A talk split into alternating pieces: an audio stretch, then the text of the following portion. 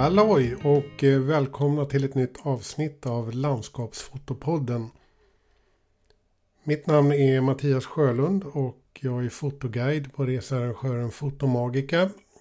Men även en stor älskare utav landskapet och att fotografera det. Om du vill höra mer i denna poddserie så se gärna till att prenumerera i din favoritpoddspelare så missar du inga nya avsnitt. Idag tänkte jag prata lite grann om hur jag skapar bilder jag är nöjd med och det är väl egentligen det viktigaste att man inför sig själv känner en slags tillfredsställelse över bilder man tar och en slags stolthet vid det hantverksmässiga. Jag kan ibland, och nu senast på Färöarna här i helgen, bli oerhört exalterad över den dramatik väder ger oss i en bild. Utkommer något häftigt hårresande som är väldigt likable.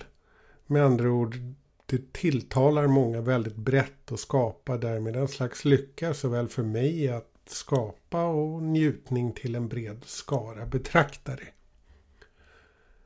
hög kontrast och hög luminans, kanske till och med hög saturation, har ju den benägenheten.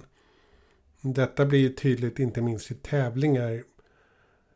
Där ska tusentals bilder gås igenom och då ges varje bild endast ett par sekunder inledningsvis. Och då blir det gärna så att lugna och tysta bilder faller mellan stolarna ibland trots att det har ett högt konstnärligt värde. Men med handen på hjärtat så har vi ju minst lika ofta andra förutsättningar än de här vädersystemen som ger oss det mer hårresande. Och jag formligen älskar det här lågmälda och tysta uttrycket om du så vill. Låg kontrast och låg mättnad. De där förutsättningarna, helmulet, lågkontrastljus och för all del även partiellt ljus, det vill säga fläckvis molnighet, presenterar sig så mycket oftare och är minst lika spännande att jobba med. När vi är ute på stora äventyr och kommer till nya platser så kan det vara lätt att Eh, bland alla berusande intryck, i alla fall inledningsvis, tappa bort sig i det storslagna och kanske glömma alla kunskaper man surt lyckats förvärva.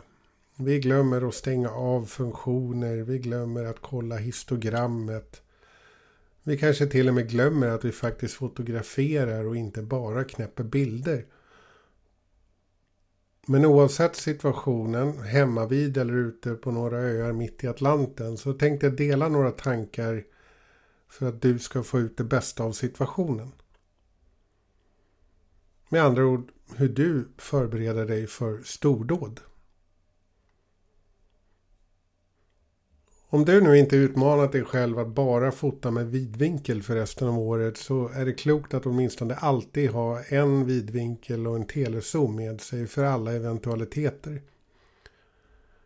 Jag har förvisso vid något tillfälle rest ganska långt med endast en lins men har å andra sidan även rest med två system bara för att safea.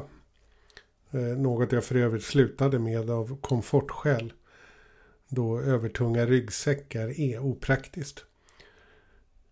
Självklart ska du också se till att du har koll på din utrustning, att du kan de mest basala knapparna och inställningarna på kameran så pass bra så att du inte behöver fundera fullt så mycket på ISO, bländarval och slutartid. Annan utrustning som du bör se över är exempelvis att ditt stativ är stadigt. Att skruvar och gängor är tajt åtdragna så att saker och ting sitter som de ska. Att även ha ett par filter, åtminstone ett polariserande och ett ND-filter av lagom styrka typ ND64 till de linser du faktiskt använder är heller inte att förkasta. Jag skulle kunna nämna vikten av laddade batterier också men inser samtidigt att få är så korkade som jag att de faktiskt glömmer dem hemma. Eftersom det sannolikt inte blir som du trott, exempelvis vad det gäller ljus, så är det även bra att ha ett vidöppet sinne innan du går ut. Bered dig på alla eventualiteter och omfamna verkligen det du får. Det är helt okej okay att du inte tar en enda bild under en dag. Och det är bättre att fokusera på ett fåtal bilder än att komma hem med flera hundra som ändå inte fyller vare sig dig med glädje och kanske saknar något som berör andra. Men genom att ha ett öppet sinne och ta in och framförallt se landskapet i stort och smått ökar dina chanser till bra bilder. Något jag också lärt mig är att lita på intuitionen. Det jag känner. När jag har hittat något jag känner är bra så stannar jag där och jobbar med det tills jag är nöjd. Jag får där och då en vision kring bilden och hur den kommer att se ut. Visst, jag experimenterar gärna men håll fast vid det du tror på. En klassisk fälla är att man tvekar för mycket på sig själv. Kanske rädd för att misslyckas. Så man hoppar från ställe till ställe, tar några bilder lite på måfå och några till bara för att vara säker på att något fastnar på minneskortet. Och sen hoppar man vidare till nästa ställe.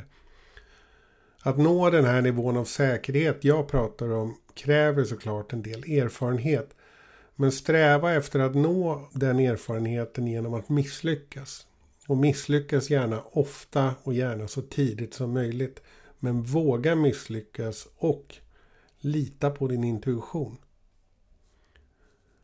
Till sist, ta hand om dina bilder. Om du någon gång undrat och frågat dig själv varför dina bilder inte riktigt ser ut som de där bilderna du lockas och inspireras av. Så ligger den andra halvan av svaret utöver det jag nyligen pratat om i framkallningen. Lär dig att behärska ett verktyg som tillåter dig att både framkalla och arbeta med dina råfiler. Och lär dig behärska och kontrollera kontrast, atmosfär, luminositet och nyanser för att lyfta fram och förädla det här uttrycket du vill förmedla. Nu börjar det i naturen se ut som höst. En favorittid för många av oss. Också en utmärkt tidpunkt att börja anamma det jag talat om här. Om inte förr så i alla fall nu. Och då kommer vi även till det viktigaste av allt, inspiration. Utan den spelar ju ovan ingen roll för du kommer sannolikt stanna inne. Men en viktig lärdom är att inspiration som bor inom oss väcks av externa intryck.